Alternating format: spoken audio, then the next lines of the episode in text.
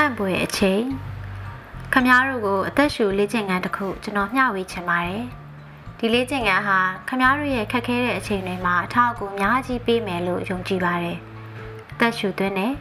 ရှူသွင်းနေတာသိနေတယ်အသက်ရှူထုတ်တယ်ရှူထုတ်နေတာကိုသိနေတယ်အသက်ရှူသွင်းတယ်ဝင်လေနဲ့နဲလာတာသိနေတယ်အသက်ရှူထုတ်တယ်ထွက်လေနှေးလာတာသိနေတယ်အသက်ရှူသွင်းတယ်ရှော့ချလိုက်တယ် အသက်ရှူထုတ်တယ်တက်တာပေါ့ပါလာတာသိနေတယ်အသက်ရှူသွင်းတယ်ငါပြုံးနေတယ်အသက်ရှူထုတ်တယ်လွှတ်ချလိုက်တယ်အသက်ရှူသွင်းတယ်ကျစ်စုပ်ပံမာနေတယ်အသက်ရှူထုတ်တယ်အံ့ဖွယ်အချိန်မှလားဒီနည်းကိုဝင်ထွက်နည်းနည်းနှေးလာလျှော့ချတက်တာပြုံးနေလွတ်ချပြစ္ဆုတ်ပံကာလအံ့ဖွယ်ကာလ လိုအနှစ်ချုပ်မှတ်ထားလဲရပါတယ်ပထမဆုံးဝင်ထွက်ကိုလေ့ကျင့်ကြည့်မယ်အသက်ရှူသွင်းလိုက်တဲ့အခါကိုယ်စိတ်ထဲကဝင်တယ်လို့တို့တို့ဆိုပါအဲ့ဒီအခါမှာအသက်ရှူနေတဲ့ဝင်လေတိုးဝင်နေတာကိုသတိထားမိမယ်အသက်ရှူထုတ်လိုက်တဲ့အခါမှာလဲကိုယ်စိတ်ထဲကထွက်တယ်လို့တို့တို့ဆိုပါထွက်လေကိုသတိထားမိမယ်အဲ့ဒီစကလုံးတွေကလက်ရှိကာလကိုပြန်လာစေဖို့အထောက်အကူပြုစကလုံးတွေပါ အခုလိုဝင်နေထွက်တယ်ဆိုတဲ့လေ့ကျင့်ခန်းကိုစိတ်တည်ငြိမ်အေးချမ်းလာတဲ့အထိခဏလုပ်လိုက်ပါအဲ့ဒီလိုစိတ်ငြိမ်လာတဲ့အခါနောက်တစ်ခါဝင်လေမှာနက်နေတယ်ထွက်လေမှာနှေးကွေးတယ်လို့ပြောင်းလို့ရပါပြီအသက်ကိုသတိရှိရှိနဲ့ရှူသွင်းရှူထုတ်လို့ရင် အသက်ရှူမှုဟာတဖြည်းဖြည်းနက်နဲလာတယ်လို့နေလာတယ်ပိုပြီးလဲအေးချမ်းလာတယ်လို့ငြိမ်လာတယ် အဲ့ဒီလိုအချိန်ချင်းရှူလို့အားရပြီဆိုရင်နောက်တစ်ဆင့်တက်လို့ရပါပြီနောက်တစ်ဆင့်ကတော့ရှော့ချတက်တာအစင်မှာရှော့ချတယ်ဆိုတာခန္ဓာကိုယ်နဲ့စိတ်ထဲကတင်းကျပ်မှုတွေကိုရှော့ချလိုက်ခြင်းပါငြိမ်းချမ်းမှုကိုကိုယ်ရင်းကိုဖိတ်ခေါ်လိုက်တာပါ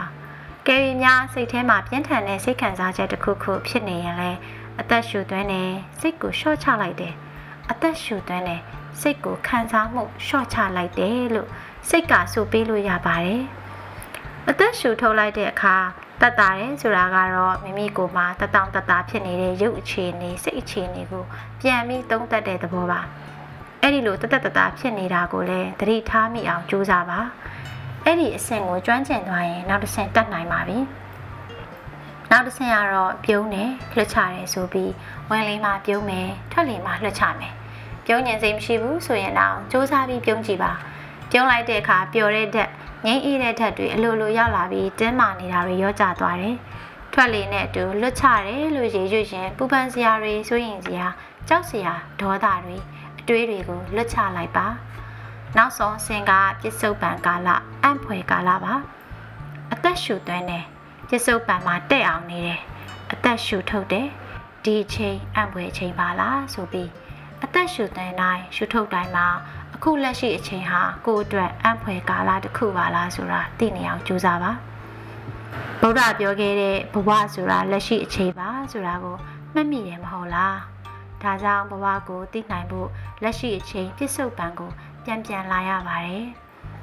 ကျွန်တော်တို့ရဲ့အသက်ရှူနေမှုဝင်လေထွက်လေတွေဟာကိုယ်နဲ့စိတ်ကိုဆက်ပေးထားတဲ့တရားတွေနဲ့တူပါတယ်။နေ့စဉ်ဘဝတွေမှာကျွန်တော်တို့ကိုယ်နဲ့စိတ်ဟာတနေရာစီမှာရှိနေတတ်ပါတယ်။ ကိုကဒီနေရာမှာဆိုပေမဲ့စိတ်ကတော့အတိတ်နဲ့အနာဂတ်မှာရောက်နေမယ်။ဒါကိုစိတ်လွင့်တယ်လို့ဆိုကြတယ်။ကျွန်တော်တို့သတိရှိရှိနဲ့ဝင်လေထက်လေရှူတဲ့အခါခန္ဓာကိုယ်ဟာစိတ်စီပြန်သွားတယ်လို့စိတ်ဟာလည်းကိုယ်စီပြန်လာပါတယ်။လူနဲ့စိတ်နဲ့ကတ်သွားတဲ့သဘောပေါ့။အဲ့ဒီအချိန်မှာခမားဟာလက်ရှိနေရနဲ့လက်ရှိအချိန်မှာဘဝကိုပြည့်ပြည့်ဝဝနေထိုင်လိုက်ရတာပါလားလို့သဘောပေါက်လာပါလိမ့်မယ်ဘဝကိုနက်နက်ရှိုင်းရှိုင်းထိတွေ့နိုင်တဲ့အနေအထားမှာရှိလာပါတယ် ဒီလိုအနေအထားရောက်ဖို့မခက်လာပါဘူးလူတိုင်းကျင့်ရင်ဖြစ်နိုင်ပါတယ်